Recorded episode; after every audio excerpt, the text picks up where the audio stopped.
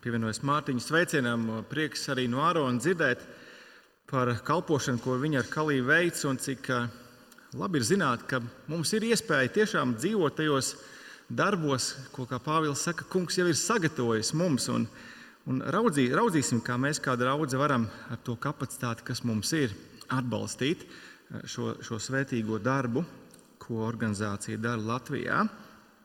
Draugi, šajā brīdī vērsīsimies pie Dieva vārda, atšķirsim savā Bībelēs 614. lapas pusi un lasīsim 86. psalmu. 614. lapas puse, 86. psalms. Dāvida lūkšana. Vērs šurp kungs savu ausi, atbildi man, jo es nabaga cietējs. Sargi manu dzīvību, jo es uzticīgs. Glāb savu kalpu, tu, mans dievs, kas uz tevi paļaujas. Žēlo mani, mans kungs, jo tevi es saucu augu dienu, iepriecē savu kalpa dvēseli, jo tev pretī, mans kungs, es savu dvēseli ceļu.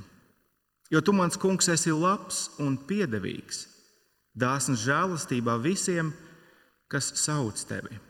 Ieklausies, kungs, manā lūgšanā, sadzirdi manu gaušanos. Posta dienā es saucu tevi, jo tu atbildi man. Nav tāda starp dieviem kā tu, mans kungs, un nav tādu darbu kā tavi. Visas tautas, ko tu esi radījis, nāks un nolieksies tev, mans kungs, un slavinās tavu vārdu jo liels tu esi un brīnumus dari. Tik tu, Dievs.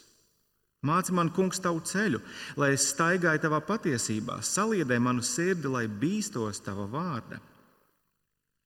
Pateikšos tev, mans kungs, mans dievs, no visas sirds un godāšu tavu vārdu mūžam, jo tava žēlastība tik liela man, tu mani glābsi no šeola dziļumiem.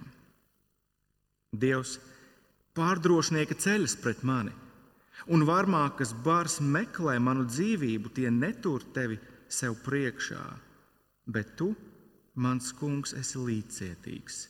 Un žēlīgs Dievs gauss dusmās, bet dāsns žēlastībā un patiesībā pievērsies man.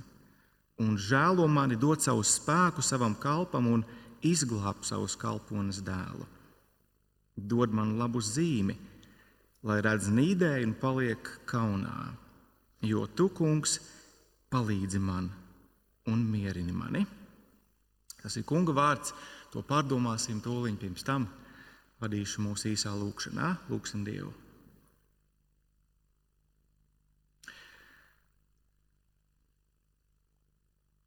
Kungs, tu mājo augšā debesīs svētnīcā, bet arī pie tiem, kam ir sagrausts un pazemīgs gars. Debes Tēvs, lūdzam Tev šajā brīdī noskaņo mūsu sirdis, noskaņo mūsu sirdis dzirdēt Tavu vārdu, dari tās pazemīgas, mīkstas, Tavu vārda sēklai. Palīdzi, Kungs, man Tavu vārdu patiesi, nesagrozīti, uzticīgi, mums šajā vakarā mācīt to Kungs, tev lūdzam Jēzus vārdā. Āmen.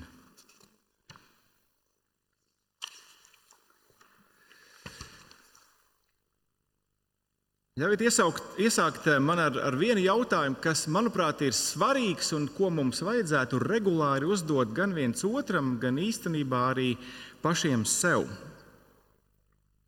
Un šis jautājums ir, vai es joprojām esmu kristietis? Es uzdevu šādu jautājumu vienam savam paziņam pirms pāris gadiem, un viņš bija ļoti priecīgs, ka es viņam uzdevu šādu jautājumu. Viņš teica, ļoti labs jautājums, un, un tad mums bija, mums bija ilga, laba saruna. Es zinu, šāds jautājums izklausās no vienas puses nevietā, jo galu galā mēs taču jūlijā mēnesī piecas nedēļas šeit klātienē domājām par to, cik brīnišķīgi ir tas, ka mēs varam būt droši par savu mūžīgo likteni. Un tagad šāds jautājums. Kāpēc es gribu, lai mēs šodien domājam, ievadā par šo jautājumu? Draugi, nenovērtēsim par zemu to garīgo cīņu, kurā mēs visi kopā esam. Cik dedzinošas var būt vēlna ugunīgās bultas, cik tādos brīžos vājš var būt mūsu ticības vairoga satvēriens, sātana uzbrukuma atvērīšanai. Bet tie ir tie brīži, kad mēs viskaidrāk ieraugām, vai mēs joprojām esam kristieši. Vai otrs cilvēks man blakus joprojām ir kristietis? Bet kā tad es varu zināt, ka es joprojām esmu kristietis? Šajā ziņā mūsu šī vakara psalms ir ārkārtīgi noderīgs. Vai šī Dāvida lūkšana rezonē manī? Ja citiem vārdiem sakot, vai Dāvida lūkšana atbalsojas arī manā, tavā dvēseles personīgajā lūkšanā Dievam? Jā, lai arī runa ir par, par Dāvidu, kurš ir Izraēla ķēniņš, šis psalms ir viens no tiem, kurā Dāvids nāk pie Dieva nevis kā ķēniņš, bet kā uzticīgais, parasts ticīgais kurš paļaujas uz Dievu. Līdz ar to mēs drīkstam daudz tiešāk pielietot šī psalma patiesību savā dzīvē. Septītais pāns, ieskatieties, vai posta dienā tu sauc uz Dievu, jo tu zini, ka Viņš tev atbild. Vai 11. pāns, vai posta dienā tu saki, māci man, kungs, tavu ceļu, lai es staigāju tavā patiesībā, saliedē manu sirdi, lai bīstos tava vārda. Ja tu esi kristietis, tad šī, šīs lūkšanas vārdi atbalsosies tavā lūkšanā. Tu teiksi, jā, tu teiksi, amen. Ja tu neesi kristietis, tu visticamāk domāsi, par, par ko tas satraukums. Ja tu esi kristietis, kas zini, ko nozīmē garīga cīņa,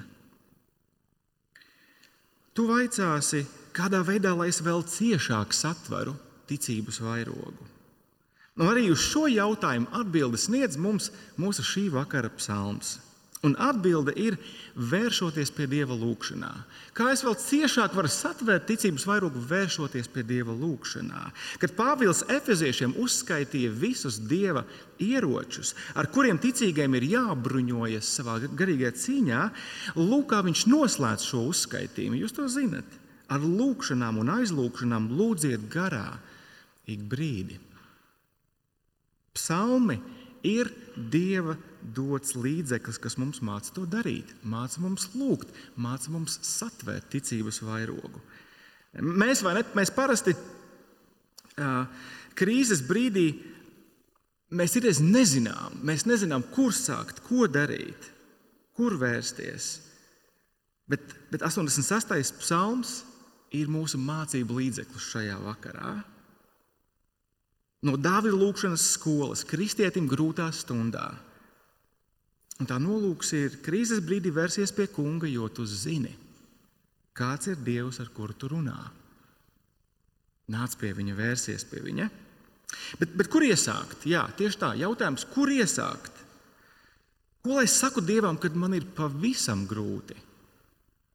Mēs parasti instinktīvi savas steidzīgās lūkšanas sākumā mēs sākam uzskaitīt Dievam visus tos iemeslus, kāpēc mums ir tik grūti, kas ar mums nav kārtībā.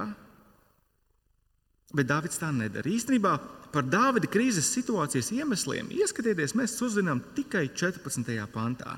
Dievs pārdrošinieka ceļas pret mani, varmāku bars meklē manu dzīvību. Tikai 14. pantā mēs uzzinām, kas ir pa problēmu. Ko tad Dāvids dara pirmajos 13 pantos. Pirms Dāvids izsūta savas bēdas dievam, viņš nemitējas izteikt slavu dievam no 8. līdz 13. pantam. Bet pirms viņš slavē dievu, viņš īstenībā lūdz dievam pēc iespējas lūgt. Un ar to iesākās mūsu psalms un pirmie septiņi panti. Lūkšana vispār pēc iespējas lūgt. Sauc uz Dievu pēc iespējas iepriecinājuma. Tā ir pirmā lieta. Jā, lūkšana pēc iespējas lūgt izklausās nedaudz savādi, piekritīsiet, bet paskatieties uzmanīgāk. Pirmais un sastais pāns Dāvids sauc pēc dieva uzmanības. Vērs šurp kungs savu ausi, ieklausies kungs manā lūkšanā. Dievs ir tur augšā, godībā, svētlaimībā, kur nav asaru, kur nav ciešana, bet es esmu šeit, nabaga cietējis, šeit uz zemes. Lai Dāvids vispār spētu lūgt, Dievam ir jāpasargā viņa dzīvība, otrais pāns, jāparāda žēlastība, trešais pāns, jāiepriecina Dāvida dvēsele, ceturtais pāns. Iespējams, tāda ir bijusi arī tava pieredze posta dienā krīzes situācijā, kurā tev nav spēka, kurā tev nav padoma, ko lūgt. Vienīgais, ko tu vari dabūt pāri savām lūvām, ir kungs, pievērsies man, pasaudzē mani, apžēlo mani. Ja ir kāds veids, kā tu vari iepriecināt mani, dari to, jo es nezinu. Mēs īstenībā nezinām, kurā savas dzīves brīdī Dāvids lūdz šo lūgšanu. Vai tas bija tad, kad viņa dēls Absoloms viņu nežēlīgi vajāja, vai kādā citā situācijā, bet katrā ziņā tas dziļi novājināja, tas dziļi skumdināja Dāvidu. Viņš sauc, viņš lūdz pēc spēka lūgt.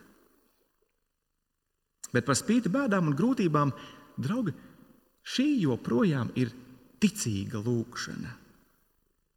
Dāvida sauciens nav tāds šāviens tumsā, jeb, jeb kā neticīga cilvēka vēršanās pie augstāka spēka, kas iespējams kaut kur tur ir ārā. Nē, vispirms Dāvids vēršas pie personiska dieva. Pirmajā un sastajā pantā vārds kungs, mums ir ļoti daudz vārdu kungs šajā psalmā. Pirmajā un sastajā pantā tas ir Jahve, tas ir, tas ir Dievs, kurš ir zvērējis Dāvidam būt līdzās, kurš ir, kurš ir solījies būt attiecībās ar viņu.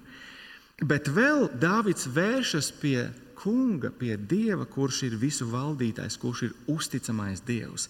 4, 5, 6 pāns tas ir šis dievs, pie kura Dāvids vēršas. Jo citādi cerēt uz iepriecinājumu ir vai nu naivi, vai, vai neprātīgi. Dvēseles iepriecinājumu var sniegt mums tikai kāds, ar ko mēs esam attiecībās. Pareizi. Un tieši pēc šāda iepriecinājuma Dārvids lūdz, 4. pāns, iepriecini savu kalpa dvēseli. Iepriecini. Bet ievērojiet, kā Dārvids pamato šīs savas alkas, šo savu lūgumu pēc, pēc personiska iepriecinājuma. Viņš ir pārliecināts, ka Dievs var un grib viņa dvēseli iepriecināt situācijā, bet viņam ir skaidrs pamatojums tam. Pirmkārt, Dārvids droši cer uz Dieva iepriecinājumu, jo viņš vēršas pie Dieva. Ieskaties, 4. pantā, ar visu savu būtni iepriecina savu kalpa dvēseli, jo tev pretī mans kungs, es savu dvēseli ceļu.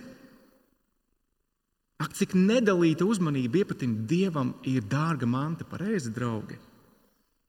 Cik ātri mūsu domas aizblandās kaut kur citur, draudzes lūkšanas laikā vai mūsu personiskajā laikā ar Dievu. Es aizmirsu nosūtīt to ziņu tam un tam. Darbā man palika ne, neizpildīta atskaite. Es nesamaksāju gāzes rēķinu. Leduskapī nav piena un daudzas citas lietas, bet saldētavā ir garneles. Cik ātri mūsu domas aizblandās projām? Reizi. Dāvids zina, ka kungs var iepriecināt. Viņš vēršas pie Dieva ar visu savu būtni, nedalītu uzmanību. Bet tur, kā Dāvis droši cer uz Dieva iepriecinājumu, jo tas balstās Dieva raksturā, 5. pāns, ieskatieties, jo tu mans kungs esi labs un piedevīgs, dāsns žēlastībā visiem, kas tevi piesauc. Ja Dāvids cer uz tādu dieva žēlastību un atdošanu, kas neiznīcināja Izraēlu tautu, kad viņi tika pienākt, eh, pie, eh, pieķerti pārkāpumā, kad viņi izlēja zelta teļu pielūdza nevis savu radītāju, bet, bet paša radītu lietu. Dāvids vēršas pie šāda dieva, laba un piedevīga dieva. Kā Dāvids droši cer uz dieva iepriecinājumu, jo viņš zina, ka dievs atbild. Dāvida lūkšana par lūkšanu iesākas un noslēdzas tieši ar šo pārliecību, ka Dievs ir runājošs Dievs. Viņš atbild salauztiem un satriektiem cilvēkiem. Ieskatieties, gan 1. gan 7. pantā vērs šurp, kungs, savu ausi, atbildi man, jo es esmu nabags, nabaga cietējis. 7. pants. Posta dienā es saucu tevi, jo tu man atbildi. Ko mēs, draugi, mācāmies Dāvida lūkšanas skolā no šiem pirmajiem septiņiem pantiem? Jā, posta dienā, krīzes situācijā kristietis var būt drošs, var paļauties, ka Dievs dzird, ka Dievs redz, ka Dievs apžēlo tos, kas paļaujas uz viņa žēlastību. Un šī pārliecība balstās tajā, ka Dievs ir labs, ka Viņš ir piedevīgs, ka Viņš ir dāsns žēlastībā visiem, kas viņu piesauc. Ka mēs varam būt tik droši par šo arī šeit, šodien, Kristus dēļ. Kristus dēļ Dievs pieņem mūs, Viņš dzird mūs, Viņš uzklausa mūs, Viņš pievērš mums savu uzmanību. Draugi, vai tas nesniedz mums lielu drosmi? posta dienā sauktas kungu. Un kā vēl? Tas ne tikai iepriecina, tas ne tikai piešķir drosmi, bet tas vairo dieva slavu. Tieši to mums tālāk eh, Dāvids māca savā lūkšanas skolā no 8. līdz 10. pantam. Dieva slava.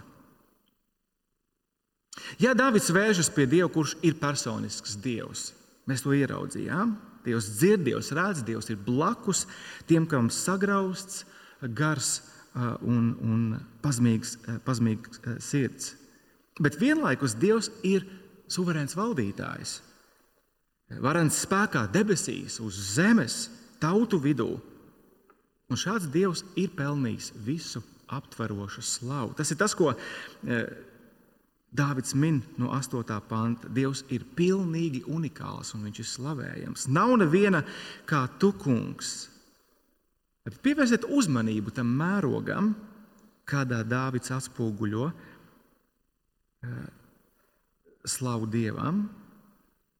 No 8. panta ieskatieties, Dieva slava debesīs nav tāda starp dieviem kā tu, mans kungs. Draugi, lai jūs nemulsina šī, šī valoda, nav tā, ka Dāvids nav īsti drošs par to, ka Dievs ir vienīgais Dievs.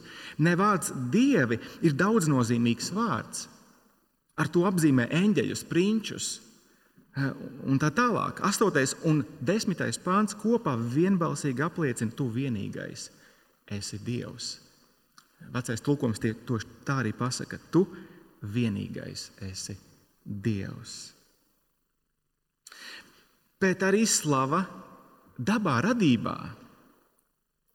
Nav tādu darbu kā tavi darbi, tos ir slavējums par taviem darbiem. Civilizācija Davida laikā varbūt nebija tik tehnoloģiski attīstīta kā mūsu civilizācija šobrīd. Drīz teju jebkurš kopā ar, ar Richardu Bransonu vai Ilonu Masku varēs uh, varēs uzlidot kosmosā un paši savām acīm paraudzīties uz, uz Zemi, uz to, cik tā ir unikāla, apbrīnot planētu no augšas, bet saskaņā ar Dāvidu šāds progress nav vispār nepieciešams, lai atzītu, cik Dieva radīšanas darbs, planētas Zeme, ir unikāls. Nekur visā visumā nav nekā līdzīga. Dievs ir slavējams par viņa radīšanas darbu. Bet vēl mēs ieraugām, Dievs ir slavējams visu cilvēku vidū. Šai patiesībai par Dieva unikalitāti, viņa radībā, to ir jāatzīst nevien tiem, kam Dievs ir personiski atklājies, kā Izrēlam, bet visiem. Devītais pants - visas tautas, ko tu esi radījis, nāks un nolieksies tev, mans kungs, un slavinās tavu vārdu. Debesīs, radībā, visu tautu vidū Un visbeidzot, Dārvids saka, visas vēstures griezumā, desmitais pants, jo liels tu un brīnumus dari. Dārvids ar ticības acīm skatās uz baisajām Eģiptes mocībām, pāršķelto jūru, ugunīgo eh, stabu un mākoņu stabu, uz no debesīm krītošajām paipalām un mannas. Un viņš saka, slavēts, lai tu esi par taviem varenajiem darbiem, ko tu glābjot savu tautu, esi paveicis. Draugi, tātad mūsu priekšā ir šis, šis Dāvids, šis uzticīgais, eh, ticīgais, nabaga cietējs, kurš ir lielos dvēseles pārdzīvojumos. Un, un, un šādā krīzes situācijā viņš, viņš raugās, viņš vērš savu skatu uz Dievu. Viņš sauc pēc tā, lai Dievs pievērš viņam savu uzmanību, lai parāda savu žēlastību, lai audzē. Bet tā nīpat laikā Dāvids savā posta dienā ir pārliecināts, ka Dievs viņam atbildēs. Jo viņš ir labs un piedevīgs, dāsns žēlastībā visiem, kas viņu piesauc. Un tāpēc Dāvida palīdzības sauciens viņš pāraugs slavā. Par Dieva unikalitāti, debesīs, uz zemes, radībā, visas cilvēces vēsturē Dievs ir augsti teicams un slavējams, jo nav neviena, kāds ir Dievs. Visa radītājs, neviena. Tu vienīgais esi Dievs. Bet ko tīri praktiski nozīmē šī, šī paļaušanās, šī, šī pazemīgā paļaušanās un Dieva slavēšana savā dzīvē? Un, manuprāt, sakot, no 11. panta mēs ieraugām to, ko tas nozīmē reāli praktiski. Tas nozīmē īstenībā pakārtot šim dievam visu savu dzīvi. Ieskatieties, Dāvida atsaukšanos šai brīnišķīgai patiesībai. Māci man, kungs, tavu ceļu, lai es staigāju tavā patiesībā, saliedē manu sirdi, lai bīstos tava vārda.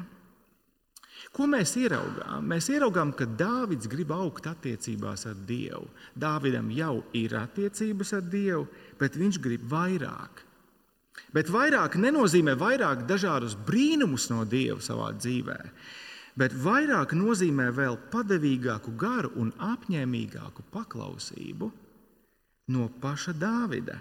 Vēlreiz, māci man, kungs, tavu ceļu, lai es staigāju tavu patiesībā, saliedē manu sirdi lai es bīstos tavu vārdu. Dari, manu, dari, manu, dari mani patiesāku, vienotāku savā pielūgsmē, sekošanā tev.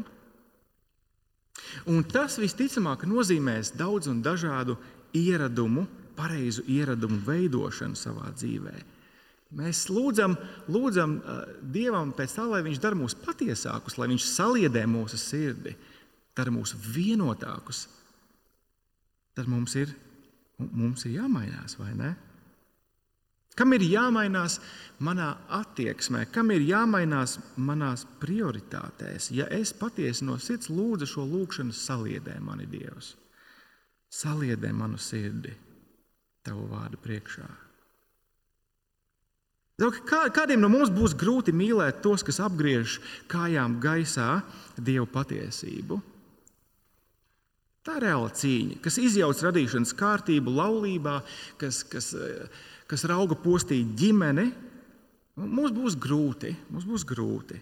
Bet kunga raksturs un nodomi pavēl mums mīlēt pat tādus cilvēkus. Kungs grib, lai viņi galu galā nāk pie Dieva, lai viņi zemojas Dieva priekšā. Saliedē manu sirdi, lai es bīstos tavu vārdu. Citiem, citiem varbūt no mums būs grūti kādreiz prioritizēt draugi, mīlēt brāļus un māsas, būt dāsniem, bet kunga raksturs un nodomi liek mums mainīties. Kungs ir labs un piedevīgs. Saliedē manu sirdi, lai es bīstos tavu vārdu. Draugi, es domāju, ka šis ir svarīgi. Šis ir ļoti svarīgi. Mūsu cilvēciskā reakcija, piedzīvojot personisku krīzi, piedzīvojot grūtības, eh, piedzīvojot dažāda veida um,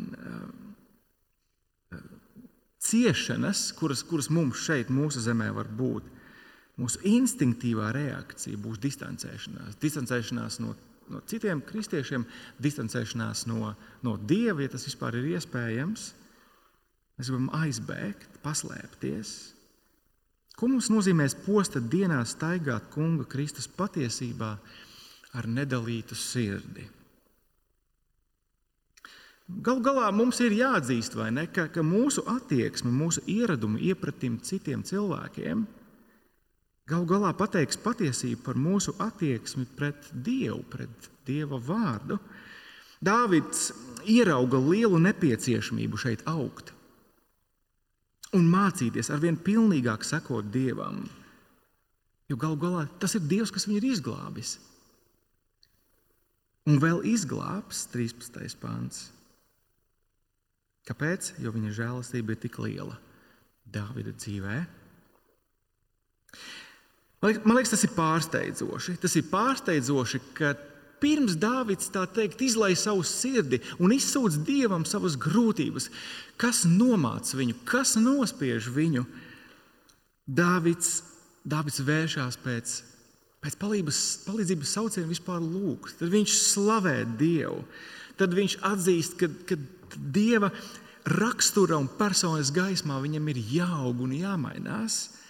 Un tikai tad viņš lūdz reāli pēc glābšanas no savām tūlītējām problēmām. Viņa gadījumā no viņa ienaidniekiem.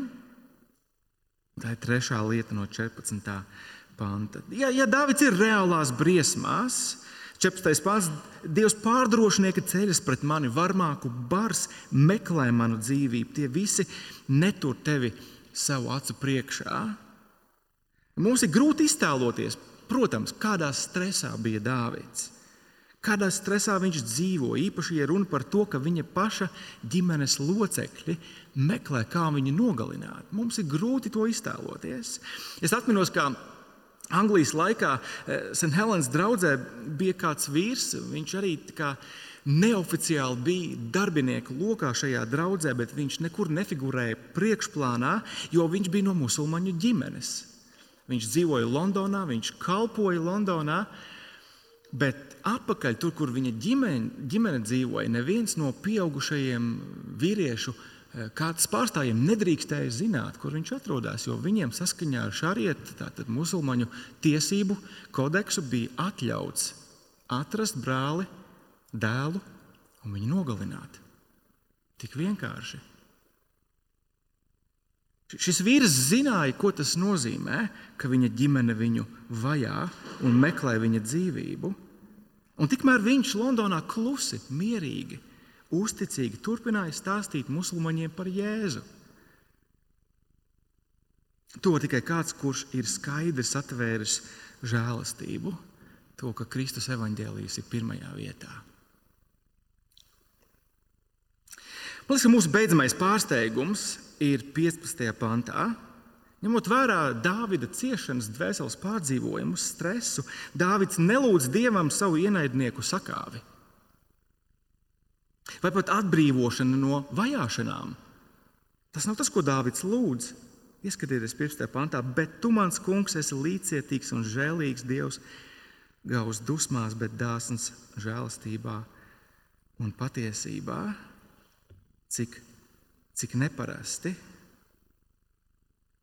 Dārvids joprojām lūdz vienīgi pēc apžēlošanas, ja? 16. pants. Vienīgi pēc spēka. Kāpēc?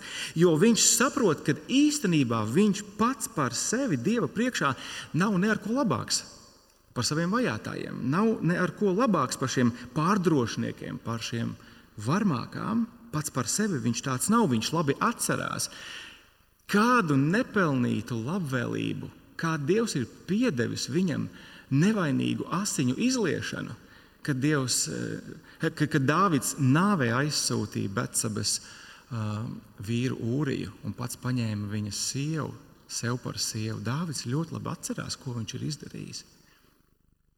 Un tāpēc viņš lūdz pēc žēlastības un spēka. Viņš zina, ka viņš ir līdzvērtīgs grēcinieks. Un vienīgais veids, kā, kā Dārvids vēlas, lai Dievs tiek galā ar viņa ienaidniekiem šajā psalmā, ir caur to, ka viņi ierauga nepārprotamu žēlastību Dāvida dzīvē, glābiņu, ko Dievs viņam dāvā. Tas ir tas, pēc kā Pāvils lūdz, ieskatieties 17. pantā, dod man labu zīmi, lai redz nīdēji un paliek kaunā, jo tu, kungs, palīdzi man un, un mierini mani. Cik tālu, cik tālu un augstu ir jāskatās, lai stāvētu pāri atriebīgām domām, lai stāvētu pāri vēlmei atriepties, vēlmei um, panākt savu taisnību. Cik, uh, cik tālu un augstu jāskatās, ir, lai tiktu pāri sarūktinājumam savā dzīvē. Un Dārvids demonstrē, ka ir jāskatās uz Dieva žēlastības troni. Draugi, es, ļoti, es vēlos noslēgt ar, ar īsām pārdomām par, par šo vienu jautājumu. Ja nu es arī kā ticīgais, ka tas, kurš paļaujas uz Dieva žēlastību, līdzīgi kā Dāvids, uzticīgais, Dieva kalps, ja nu es saucu uz Dievu savā posta dienā un es lūdzu, bet nekas nenotiek, ko tad? Ja nu es lūdzu pēc spēku izsīkumā, Es saucu uz Dievu, lai Viņš audzē mani, Viņš audzē manu ģimeni, Viņš parāda žēlastību, Viņš atrisina manu situāciju, bet risinājumu nav. Es viņu neredzu, atbildes nav. Ko tad? Jo redziet, ir ģimenes, kurās, eh, daudz ģimenes, kurās viens no laulātajiem ir ar tādu veselības stāvokli, kurā viņš pat, pat, pat citreiz nespēja veikt savus ikdienas darbus, ikdienas pienākumus. Un to dubultā dara otrs no laulātajiem. E, ir cilvēki, kas ir piedzīvojuši ļoti sāpīgu zaudējumu. Viņa dzīves pieredze aizēno skatu uz Dievu kā uz mīlošu tēvu, kas saviem bērniem dod labas dāvanas. Ko, ko darīt situācijā, kad, kad tā realitāte nesaskan ar to, ko tu lasi šajā psalmā, kad Dievs neatbild? Jautājums ir, vai es tāpēc pārstāšu kalpot Dievam, vai es tāpēc pārstāšu viņu slavēt. Draugi, es, es nesamazinu ciešanu nopietnību, es nesamazinu to, cik sāpīgi mūs tās var ietekmēt, cik paliekošu iespaidu ciešanas var atstāt mūsu dzīvē. Nē. Bet ko darīt ar ciešanām kristiešu dzīvē, tas ir nopietns jautājums. Kā savienot dieva labestību, kā savienot dieva žēlastību, mīlestību ar to, ka manām problēmām nav tūlītēja risinājuma.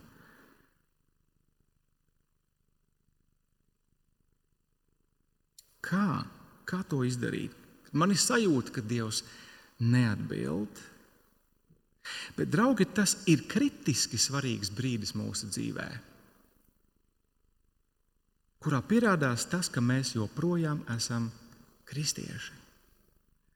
Tas, kā mēs tiekam galā ar šo jautājumu, ar šo situāciju, pierāda to, ka mēs joprojām esam kristieši. Es nekad neaizmirsīšu to, kā pirms eh, to, tos, tos pirmos vārdus, kurus mums ar Madaru kādā grūtā brīdī teica viens ļoti labs draugs mācītājs.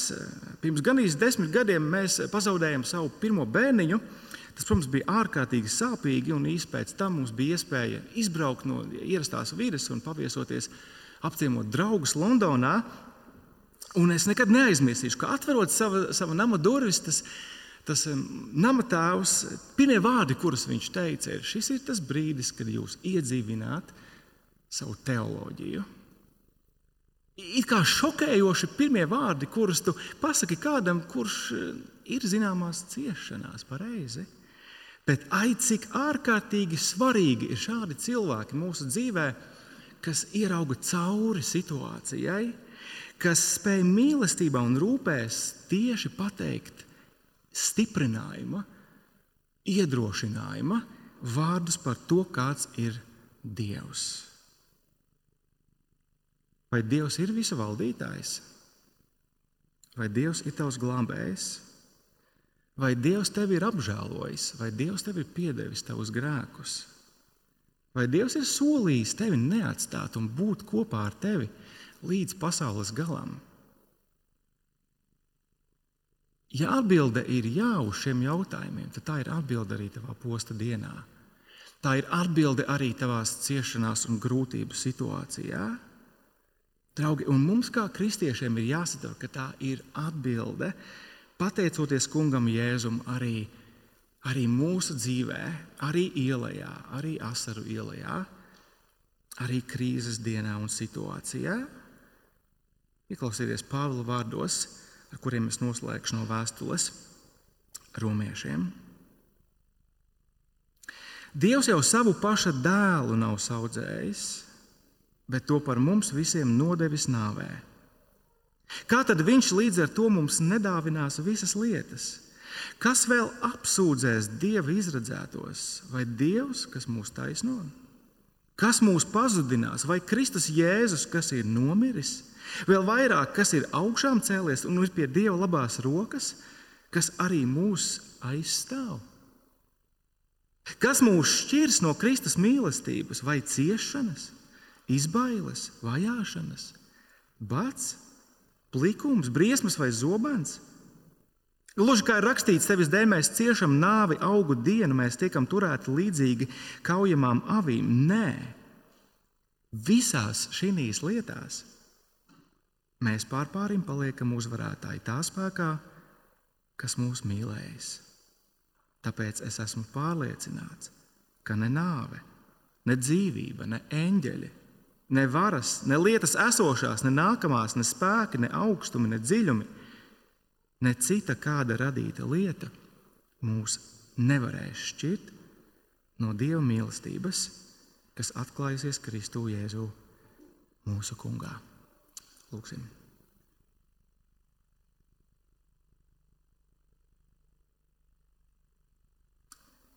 Dievs, mēs lūdzam, vadi mūsu Dāvida lūgšanas skolā. Palīdz mums mācīties no šī tava uzticīgā kalpa, kas nebija pilnīgs, kas bija grēcīgs, bet kas paļāvās uz tevi. Kas posta dienās sauca uz tevi, pat tad, ja nebija tūlītēji risinājuma. Viņš zināja, ka tu atbildēsi. Kas zināja, kāds dievs tu esi, cik varants savā godībā debesīs, zemē, cilvēku vidū un visā vēsturē tu esi. Nav neviena, kāds esi tu. Un, kungs, tāpēc uz tavu žēlastību arī mēs ceram. Savās grūtībās, savā posta dienā, kas mums katram ir savā laikā, palīdz mums palikt kristiešiem, kas tevi mīl, kas Kristus nopelna dēļ uz tevi cer, uz taviem apsolījumiem mūsu dzīvē, kas viens otru atbalsta un stiprina, turpināt paļauties uz tevi, valdītāju glābēju apžēlotāju, mūsu grēku piedevēju, kas esi kopā ar mums līdz pasaules galam.